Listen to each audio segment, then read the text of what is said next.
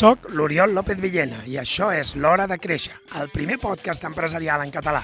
Cada setmana parlem de com desenvolupar estratègies de creixement i executar prioritats per assolir els teus objectius. Segueix escoltant si busques idees, històries i experiències que t'ajudin a gaudir d'un negoci més rendible i divertit de dirigir. Som-hi!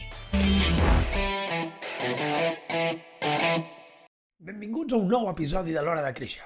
Un episodi que tenia moltes ganes de fer perquè durant els darrers anys hem estat parlant de creixement de manera isolada. Hem parlat de diners, hem parlat d'estratègia, hem parlat de sistemes, de persones, de números, de riscos, hem parlat de molts aspectes de l'empresa, però diria que no els hem posat mai tots junts en un conjunt que tingui un sentit per l'empresa i per la teva vida.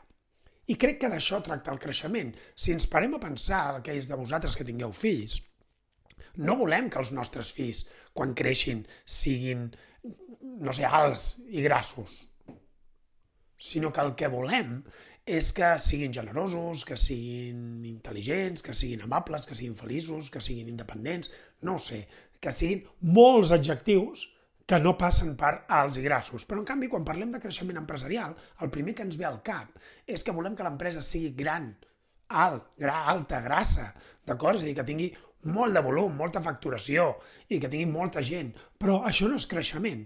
Una empresa, quan creix, ha de, ha de servir de fonament de tot allò que tu, com a empresari i la teva família, vols. D'acord? Per tant, el primer que hem de tenir clar com a factor del creixement és el que voleu vosaltres. El que voleu, el, el que vol el líder, el que vol la família. Per tant, quins són els objectius familiars que perseguim? Què volem? Més temps? com un client meu em deia, dic, jo no necessito més diners, necessito més temps amb la meva família. Què volem? Quins valors tenim? Quines creences? D'acord? Que, que regeixen el nostre comportament i, per tant, l'empresa ha de seguir això, ha de seguir aquest camí, el camí dels nostres valors. No podem tenir una empresa que traeix allò que nosaltres, allò en què nosaltres creiem.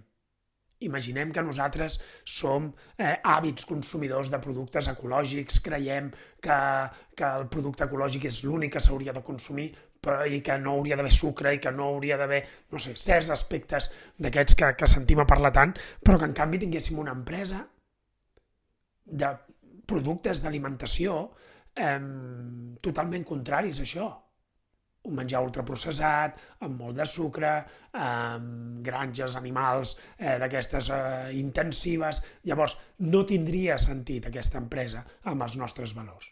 En segon lloc, hem de tenir en compte el negoci, els objectius del propi negoci, és a dir, per poder tenir tot això, quins són els objectius que el nostre negoci ha de perseguir? Com fem diners? Qui són els nostres clients? Eh, què aconseguim o que aconsegueixen amb nosaltres, quina és la nostra cultura, aquí estan els valors de l'empresa, que no han de ser contraris als nostres, però que són diferents com a empresa. Pot ser la proximitat, pot ser la proactivitat, pot ser eh, l'atenció al detall. D'acord? Al final el que fem és tenir uns valors que construeixen i que regeixen el comportament dels nostres equips. També hem de pensar en l'estructura d'aquesta empresa, eh? quines entitats en formen part, si són societats, no és una societat, si és un autònom, d'acord, quins acció, acords accionarials, pactes de socis tenim signats i de més. Són coses que semblen menors, que semblen de gestió, que semblen avorrides, però també s'han de tenir en compte. Seguim avançant. Una empresa també són persones. De fet, una empresa són persones. Quan un fill meu em va preguntar de petit què era una empresa, jo li vaig dir que eren persones que fan coses pels clients a, a canvi de diners. Però fixeu-vos que el primer que vaig dir és persones, perquè una empresa són persones, no és un edifici buit, és un edifici amb persones. Per tant, hem de tenir clau quines persones estan a dins d'aquest edifici. I, I què vol dir això? Tenir una descripció clara dels seus llocs de treball, un organigrama, no? I, i la descripció dels llocs de treball s'ha d'incorporar el rol que dona, que, que, que segueixen allà dins, el, les responsabilitats que tenen i, per últim, els resultats que esperem d'aquella persona, és a dir, quines expectatives tenim amb la seva feina. També hem de tenir plans de creixement, que jo en dic, no? més que plans de carrera, per mi és un pla de creixement personal i, per tant, com farem que el nostre equip creixi professionalment. I també, per últim, però no menys important, hem de tenir els acords laborals adequats, és a dir, hem de complir la legislació, hem de tenir acords signats que s'adecuïn a les necessitats de l'empresa. Per exemple, si tenim una empresa amb diversos centres de treball, doncs potser ens interessa que les persones es puguin moure entre, entre centres. Tot això ha d'estar ben signat i ben preparat. Però parlàvem d'un edifici amb persones a dins. I això no és ben bé totes les persones que hi ha dins d'una empresa. En una empresa hi ha persones que no estan dins físicament, però que estan dins de l'estratègia la mateixa. I per mi són aquelles persones claus, proveïdors, assessors, col·laboradors, consultors, eh, gestors, mm, persones de recursos humans, eh, noves tecnologies, màrqueting, és a dir, persones que són clau en la definició, en la, en la, en la, en la definició dels nostres resultats, en aconseguir els nostres resultats, però que no estan directament relacionades a la, amb l'empresa. D'acord? Aquí també hem de tenir una llista, hem de saber exactament quins acords tenim signats amb elles, quines expectatives tenim, d'acord? I anar creant una relació de socis amb elles, de manera que totes dues parts eh, se'n vegin beneficiades. Què més? Hem de tenir clar el valor que afegeix la nostra empresa.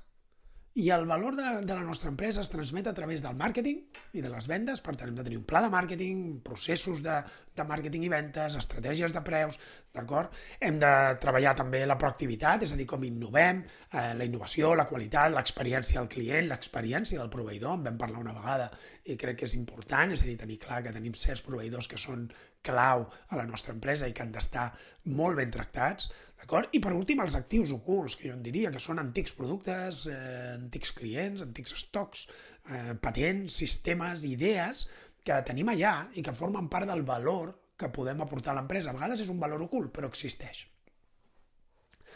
Doncs bé, això ja són algunes de les parts que una empresa porta, no? És a dir, que som nosaltres, la, la pròpia empresa, les persones clau de dins, les persones clau de fora i el valor que aportem. Però a tot això encara faltaria el, el com ho duem a terme, moltes vegades. I el com ho duem a terme són els engranatges, d'acord? Els sistemes i processos que tenim a dins, fluxes d'operacions, competitivitat, la propietat intel·lectual, ens hem de preguntar quina és, on està situada, és a dir, tenim propietat intel·lectual dins l'empresa o no? Vale? El know-how a vegades no, no necessàriament ha de ser registrada, però tenim certes, certs mètodes o certes maneres de treballar que són nostres i són la manera com nosaltres fem les coses. Això és important tenir-ho ben localitzat, ben documentat. Perdoneu. I també la tecnologia, per suposat, és a dir, en un món com el que vivim, i antigament igual, d'acord, tenir un pla eh, sobre l'ús de la tecnologia, quina arquitectura seguirem i, i els nivells de seguretat cada cop més important eh, que volem establir és importantíssim. Per això hem de tenir persones clau dins o fora en funció de la mida de l'empresa que ens ajudin en aquests àmbits. En vuitè lloc, tenim els números. Efectivament, és dir, els números de l'empresa són molt importants. Deia Peter Drucker que el benefici d'una empresa no és l'objectiu de la mateixa, però és el test de que aquesta empresa és viable. Doncs això, els números s'han de vigilar, s'han de controlar, i hem de controlar números financers a través de previsions, de pressupostos, dels propis comptes anuals que presentem, eh, a través de comparar-los amb, amb el passat, d'acord? Veure què ha passat en els darrers anys i comparar-ho amb l'actual i a través de comparar-ho amb el sector, d'acord? Amb, els, amb, el, amb altres empreses del nostre sector. La meva recomanació és que els comparessis sempre amb les empreses top. Hi ha llistats, hi ha maneres de veure eh, quin és el 25% principal d'empreses. I com més acurat sigui, millor. És a dir, és millor comparar-te amb empreses de la teva mida o, o la immediata superior que no pas comparar-te amb empreses que no tenen res a veure. Per això les mitjanes a vegades són una mica eh, falses en aquest sentit. Què més? Però a part de números financers, número financer és el resultat que dona al final. Per tant, estem mirant un número del passat. Necessitem veure números del present, és a dir, què està passant, no? I per mi això són números que no són financers, són operatius, són comercials, d'acord? I, I aquí eh, entren aspectes com el que serien els motors de l'èxit. Jo li dic motors de l'èxit, no? que seria aquelles dades que ens permeten veure si tindrem èxit en un futur. Per exemple, si sabem que volem aconseguir 100.000 euros més i que cada projecte, cada producte que nosaltres venem val una mitjana de 10.000 euros, sabem que hem d'aconseguir 10. Llavors, per aconseguir-ne 10, si sabem que de cada 100 eh, de 10 pressupostos ens n'accepten 5, això vol dir que n'hem de presentar 20. de pressupostos per aconseguir-ne 10. I si per fer pressupost necessitem reunir-nos amb 40 persones, d'acord? Perquè la meitat d'aquestes ens acceptaran que els hi fem un pressupost, d'acord? Llavors vol dir que ens hem de reunir amb 40 persones i no per fer aquests 20 pressupostos. I si per aconseguir reunir-nos amb 40 persones eh, hem de fer 300 trucades, doncs ja sabem que hem de fer una trucada cada dia a un client o un potencial client de cara a aconseguir una reunió que ens permeti aconseguir un pressupost que ens permeti aconseguir un client. Això són números no financers, això són motors de l'èxit. N'hi ha molts i n'hi ha de molts tipus en les àrees d'operacions, la qualitat, l'eficiència, d'acord? Hi ha maneres de mesurar-ho, són números que s'han de mirar perquè ens permeten veure què passarà i ens permeten prendre decisions molt ràpides i, i millor informades que no esperant els números finals del mes o del trimestre. Dins dels números també és important tenir clar que també hi ha engranatges, és a dir, hi ha una sèrie de procediments financers que s'han de tenir en compte. Llavors, en, en novè lloc tenim els riscos. Els riscos. Una empresa afronta uns riscos i per créixer necessita tenir-los ben identificats. D'acord? Deia que el Richards que el, que el risc és tot allò que queda després d'haver pensat en tot. Doncs bé, ens toca pensar en tot. Sabem que el risc no el podrem eliminar, sempre existirà, d'acord? Però sí que sabem que podem eh, reduir-lo, d'acord? I isolar-lo en, en esdeveniments que no podem controlar. Tot allò que podem controlar ho hem de mirar de controlar, en la mesura possible. Hi ha dos tipus de, de, de, hi ha dues maneres d'afrontar els riscos, una és preventiva i l'altra és contingent. La preventiva seria eh, complir-ho tot i fer que el risc no arribi a passar, d'acord? Fer que el risc no arribi a passar, fer que allò que, a, a que li tenim por no passi. I la contingent seria és, en cas de que passi, què fem? No? Doncs això són els riscos, s'han de tenir ben pensats i ben analitzats. En parlarem potser en un dia d'aquests. En onzè lloc tenim el llegat. Què és el llegat? Llavors, el llegat és tot allò que volem deixar com a empresa, aquell valor que té l'empresa, aquell, aquell eh, el, el, aquell patrimoni, d'acord? format per actius, actius empresarials, actius no empresarials, deutes, obligacions, eh, el valor mateix del mateix negoci, eh, la situació personal, és a dir, el nostre balanç de situació, podríem dir, familiar, el nostre patrimoni, tot això és el patrimoni, és, i, i hem de mirar de tenir-lo ben controlat, ben protegit, i, i sobretot fer-lo créixer amb els anys, perquè al final això serà la nostra caixa forta, serà el nostre, la nostra bombolla, el que ens permetrà el dia de demà poder-nos retirar en condicions. I aquesta és la, la segona part del llegat, que és la retirada, no? el tenir un pla de successió per nosaltres. Què passa si demà, em deia una clienta eh, que, on hi ha dos socis, i em deia, són dos socis que viatjaven junts, van anar tots dos a Alemanya, i, i em deia la, la persona que s'encarrega de l'administració de l'empresa, que no és sòcia, em deia, què passa si tenen un accident? Sembla una tonteria, i tant de bo no passi, però és veritat, hem de tenir ben previst això. Aquí, aquí, aquí trucarà la vostra parella, aquí trucarà la persona responsable d'administració de la vostra empresa. És a dir, com funcionarà la successió? I també un pla de direcció, és a dir, com funcionarà no només la successió patrimonial de la propietat, sinó la direcció de l'empresa.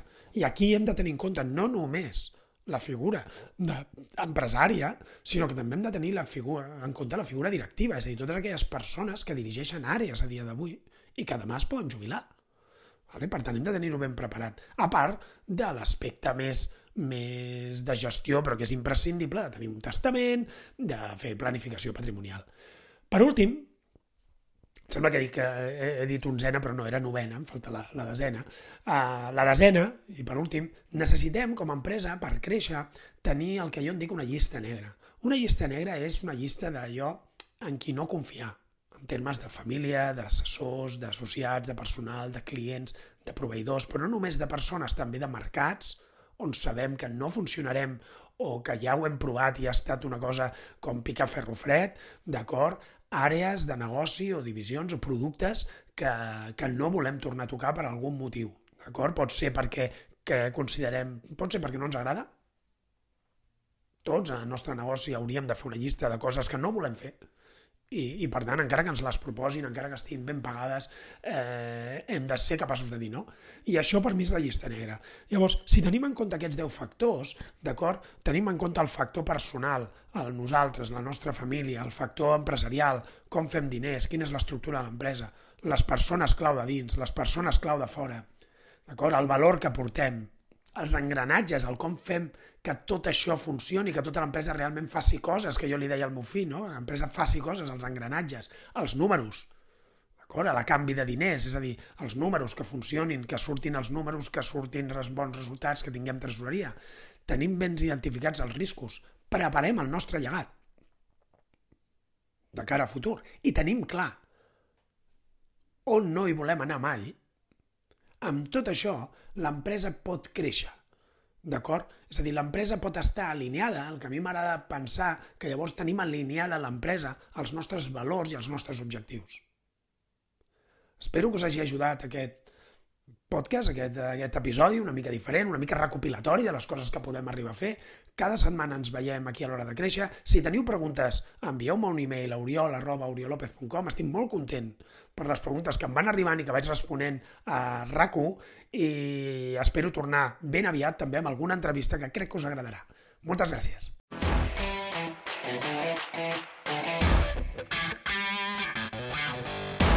Gràcies per acompanyar-me en aquest episodi de l'Hora de Créixer. Si t'ha agradat, ja saps què has de fer. Escriu una ressenya, comparteix-ho amb algú i uneix-te a la comunitat de les empreses proactives. Gràcies per escoltar-me i recorda, l'acció és qüestió de prioritats.